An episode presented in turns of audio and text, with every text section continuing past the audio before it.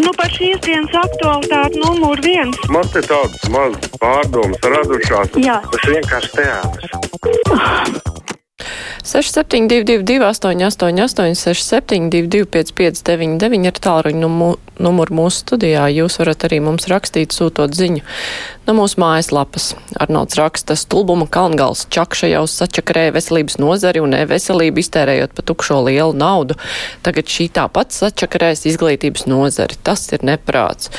Man jau gan šķiet, ka veselību ir, ja var to tā teikt, čakarējuši, man liekas, ilgstošā laika posmā. Tās problēmas tur ir krājušās ārkārtīgi ilgā laika posmā, un e-veselība tika palaista, ne, bet šis projekts tika taisīts, un nauda tur gāsta vēl ilgi pirms čakšas, tā kā uzvelt viņai vienu, vienai visu atbildību gan ir neprāts. Klausītājs zvana, labdien, esat ēterā. Labdien! Labdien! Ziniet, kādā jautājumā es gribētu parunāt. Sakiet, lūdzu, vai kādreiz nevarētu veidot kādu raidījumu par mūsu investoru portfeli, kāds mums Latvijā ir, par tiešajiem un netiešajiem mm, investoriem, jo tā vakar paklausoties YouTube par, par Latviju, jā, par mūsu investoriem. Uh, Uh, tas sanāk tā, ka, teiksim, tāda rūpnīca, kā elektromašīnu, Rīgas elektromašīnu rūpnīca, viņa faktiski, nu, nav, teiksim, Krievu investoru, kuri ir, teiksim, sankcionētā sarakstā, bet viņi ir it kā tieši jau labumu guvēji. Vai šajā jautājumā kādreiz arī nevarētu mūsu klausītājs apgaismot? Paldies. Jā, paldies par ideju. Ideja ir ļoti laba.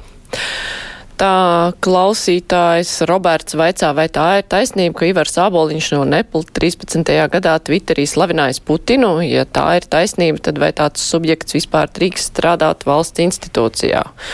Roberts, šis jautājums pagājušajā nedēļā tika plaši apspriests. Runa ir par 14. gadu, un tur bija tāds tvīts, kur bija sajūsma par Putina runu tieši tā, ka tika Krima okupēta, bet Ivars Aboliņš arī atvainojās un teica, ka viņš tā nedomāja un ka viņš Putina darbus neslavēja, bet to runu tikai. Bet tā vairs nedomāja, jo tā kā, nu, bija tāda lieta, jā. Ceļu klausulu, labdien, esat ēterā.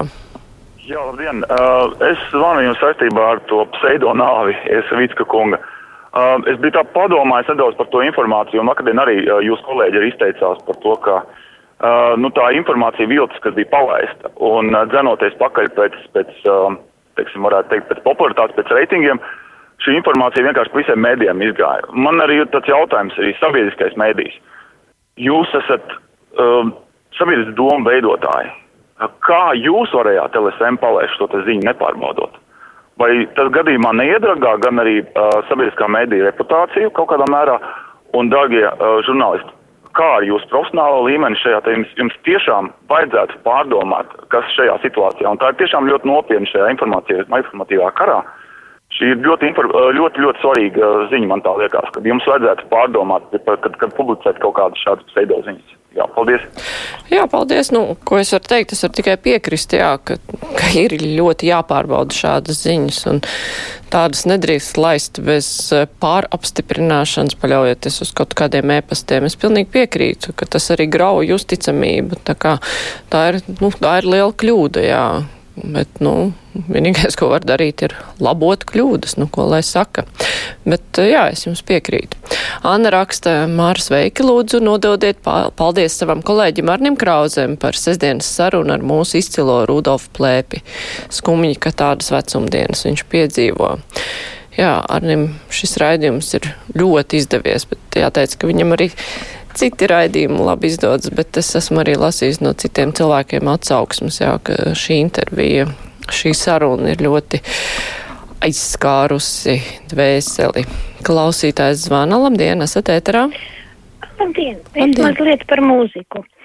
Zīmīgi, ka 2000 kurā tur gadā Eirovīzijā Uh, Mārtiņš Freimans, Kaža un, un, un, un, un, un kas tad, uh, viņi dziedāja Kievā dziesmu, uh, vai karš ir beidzies, vai karš vēl nav beidzies, un redziet, kādi, kāda, kāda situācija tagad. Tas ir viens. Un otrs, pagājušajā gadsimta 60. gados arī bija tāda dziesma, Haķetli Ruskija vai Nī, vai Krievi grib karu. Nu, kādreiz kādos citos rēdījumos varētu kā šīs dziesmas arī pārraidīt. Jā, paldies. Nu, es esmu tur vēl manījusi, ka bija cilvēku kaut kādas sakritības um, dziesmās tieši manījuši ar to, kas notiek. Klausītāja Hanna raksta Rīgā nemaz neekonomē siltuma resursus. Teica, ka būs maksimāli plus 19 grādi daudz dzīvokļu mājās, bet realitātē ir tā, 9 stāv nesiltināta ēka, dzīvokļa trim ārējām sienām, temperatūra pirms veidināšanas plus 23, 24 grādi, baterijas karstas kā gludeklis. Var apdedzināties un mājā ir automātiskais regulētājs, jo lielāk būs rēķini, jo lielāka peļņa Rīgas siltumam. Daļa nomaksās, daļu seks pašvaldības un peļņa nodrošināta. Jā, nu, jā, diez kas nav. Tušin, ka tā nav vienīgā tāda māja. Klausītājs zvana, labdien, esat ēterā? Jā, labdien! Es ļoti bieži klausos tādu pazīstamu internetā runātāju, kurš sevi pozicionē, ka ir, ka viņš ir, protams, ka viņš pret karu, jā, kā arī es arī pretkaru, ja. Un tad uh, Valērijas Solovijs, ja, un tad viņš uh, it kā pozicionē sevi, ka viņš pietuvinās tiem cilvēkiem, kuri pieņem lēmumus, kuri uh, ļoti tuvu stāv pa, pašam Putinam un tā tālāk. Un tu, viņš runā par to, ka, ja Ukraina kristi no paša sākuma, tad nākamās būtu Baltijas valstis, bet tas jau nav noslēpums. Bet, bet tagad viņš runā vēl šausmīgākas lietas, ka uh, Putins, kad viņš runāja pagājušajā naktī ar Baidenu, ka it kā viņi, ka Putins pozicionē šo te jautājumu tā vai nu jūs lemjat, un tad mēs kaut ko tādu notieknu, to, tomēr tur mums sadalīsim, jā, un kaut ko izdomāsim, vai nu Baltijas valstis būs tas, nu, nākamais viņu, viņu tāties mērķis, kaut kā tā, nezinu, bieda man viss tas, tas lietas, jā. Mm -hmm. Labi, nu, paldies par zvanu. Klausītājs Jānis raksta, man mājās ir plus 15, lai nemulta, ka ir par karstu un netaupa. Jāni, bet, protams, ka mājas ir dažādas Rīgā, taču nav viena vienīga māja, bet, tiemžēl, ir arī tādas, acīm redzot, kuras netaupa. Agita iesaka par to viltus ziņu visiem noklausīties vakardienas Latvijas radio sporta raidījumu piespēle. Viņas prāt, tur ir perfekta žurnālistu analīze par noteikti notikušo. Paldies, Agita! Es pacelšu klausulu. Labdien, esat ēterā. Labdien, Māra! Labdien! Sakiet, lūdzu, vai jums nešķiet īpatnēji, ka daudzi Latvijas cilvēki, kur mazliet seko politikai, jau sen zina, ka dožds ir tā paša Putina Gazprom 40% akciju pārvaldīts it kā opozīcijas kanāls. Un interesanti, ka mūsu drošības dienas to nezina. Un cilvēki taču var paskatīties gadu gaitā, tur jau neviens žurnālists un gandrīz pat intervējumais nav Krievs, bet žīts. Nu, mm, pat negribas komentēt par īpašumtiesībām, tur jau arī tas viss mainās. Klausītājs Mārtiņš raksta kontekstā ar sankcijām pret Krieviju, kāpēc Latvijas tiesības sargājušās institūcijas tik bezzobēni vēršas pret Maskavas nāmu, Āvēnu, Savicka kantoru un citiem politbiznesmeņiem, kas Latvijā dzīvo cepur kuldam. Kāpēc mūsu ārpolitika nesakrīt ar lēmumiem iekšpolitiski? Kāpēc valsts drošības dienas neizvērtē ar Kremlu saistītās biznesa infrastruktūras demontāžu? Cik ilgi vārdi atšķirsies no darbiem kauns Ukraiņu priekšā? Paldies, Mārtiņ, par vēstuli. To mēs nākamajā stundā iespējams apspriedīsim arī. Klausītājs zvana, labdien! Es šodien klausījos melu to detektoru, vai kā viņš to saucās, jā. Nu, ir tāda lieta, ka teica, ka 600 esot vidējā pensija. Konkrēti, kuram tad viņa ir tā vidējā un kā viņa skaita?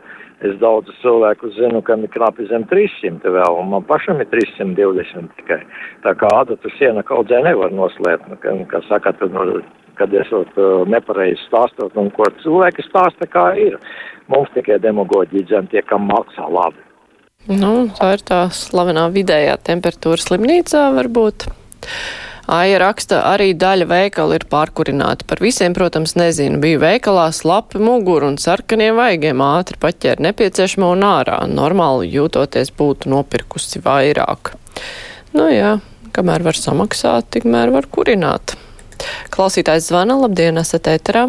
Labdien, mani izbrīna un nav saprotams, pēc kādiem kritērijiem tiek veidota valdība, piemēram, aizsardzības ministrs ja mums tagad, kas ir mūrnieks, bijusī žurnālistka, ka mums tomēr ir daudz spējīgāk, kā piemēram Igors Rajevs, kurš būtu, man liekas, vislabākais šobrīd aizsardzības ministrs, bet un tas būtu viss Latvijas interesēs, bet kas, kāpēc tiek lobēti kaut kādi žurnālisti, kaut kādi mūrnieci, nu, man tas jūs varētu painteresēties, un taču lielāk teikšana. Paldies! Nu, Ināra Mūrniece nav tikai bijusi žurnāliste, viņa ir ļoti ilgi bijusi saimnes priekšsēdētāja, kas ir otrā amatpersona valstī, kā tas jau nu nav kaut kāds amats. Otrakārt, Rajaukungam ar pielaidi valsts noslēpumam būtu problēmas, līdz ar to, nu, viņš nevarētu būt aizsardzības ministrs. Klausītāja Ausma raksta, tie, kuri nepiedzīvoja otro pasaules karu, tikai tagad redz, kas ir īsts karš. Nu jā. Jāteic arī, ka mēs laimīgā kārtā atrodamies tur, kur mēs neredzam to īsto karu. Mēs redzam tikai cilvēkus, kuri cieš no īstā kara un, un protams, arī televīzijā. Paldies Dievam, ka ne uz savas ādas. Edis raksta. kas tie par policijas ģenerāļiem un apsardzes firmu darboņiem, kas rīko nakts medības un apšauj viens otru. Trīs mednieki, 33,3% kritušo. Nu, jā, tā.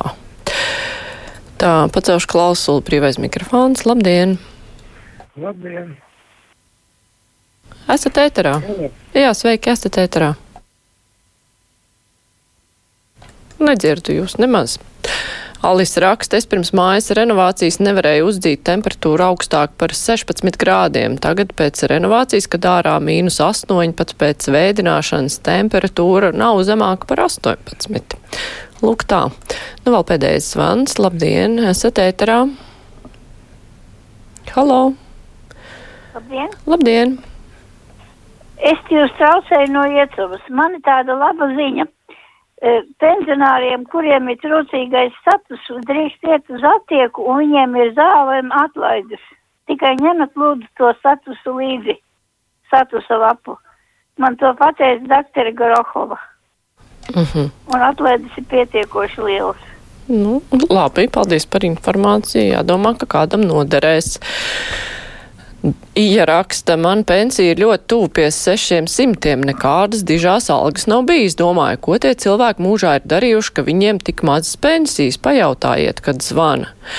Savukārt Dats raksta, ka viņi piekrīt par vidējām pensijām. Jansoni, jūs nu gan esat vīzdeguni pret problēmām, kuras jūs neskan. Neskar. Es nebaz neesmu vīzdeguni pret problēmām, kuras man neskar. Un uh, es tiešām jūtu līdzi un arī zinu cilvēkus, kuriem ir mazākas pensijas par tiem sešiem simtiem. Un viss jau ir atkarīgs no tā, kad cilvēks ir pensionējies. Tas jau nenozīmē, ka cilvēki nav strādājuši. Labi, paldies klausītāji par zvanīšanu, par rakstīšanu. Tagad būs ziņas, un pēc tam būs kruspunktā lielā intervija ar eksprezidentu Valdis Atleru.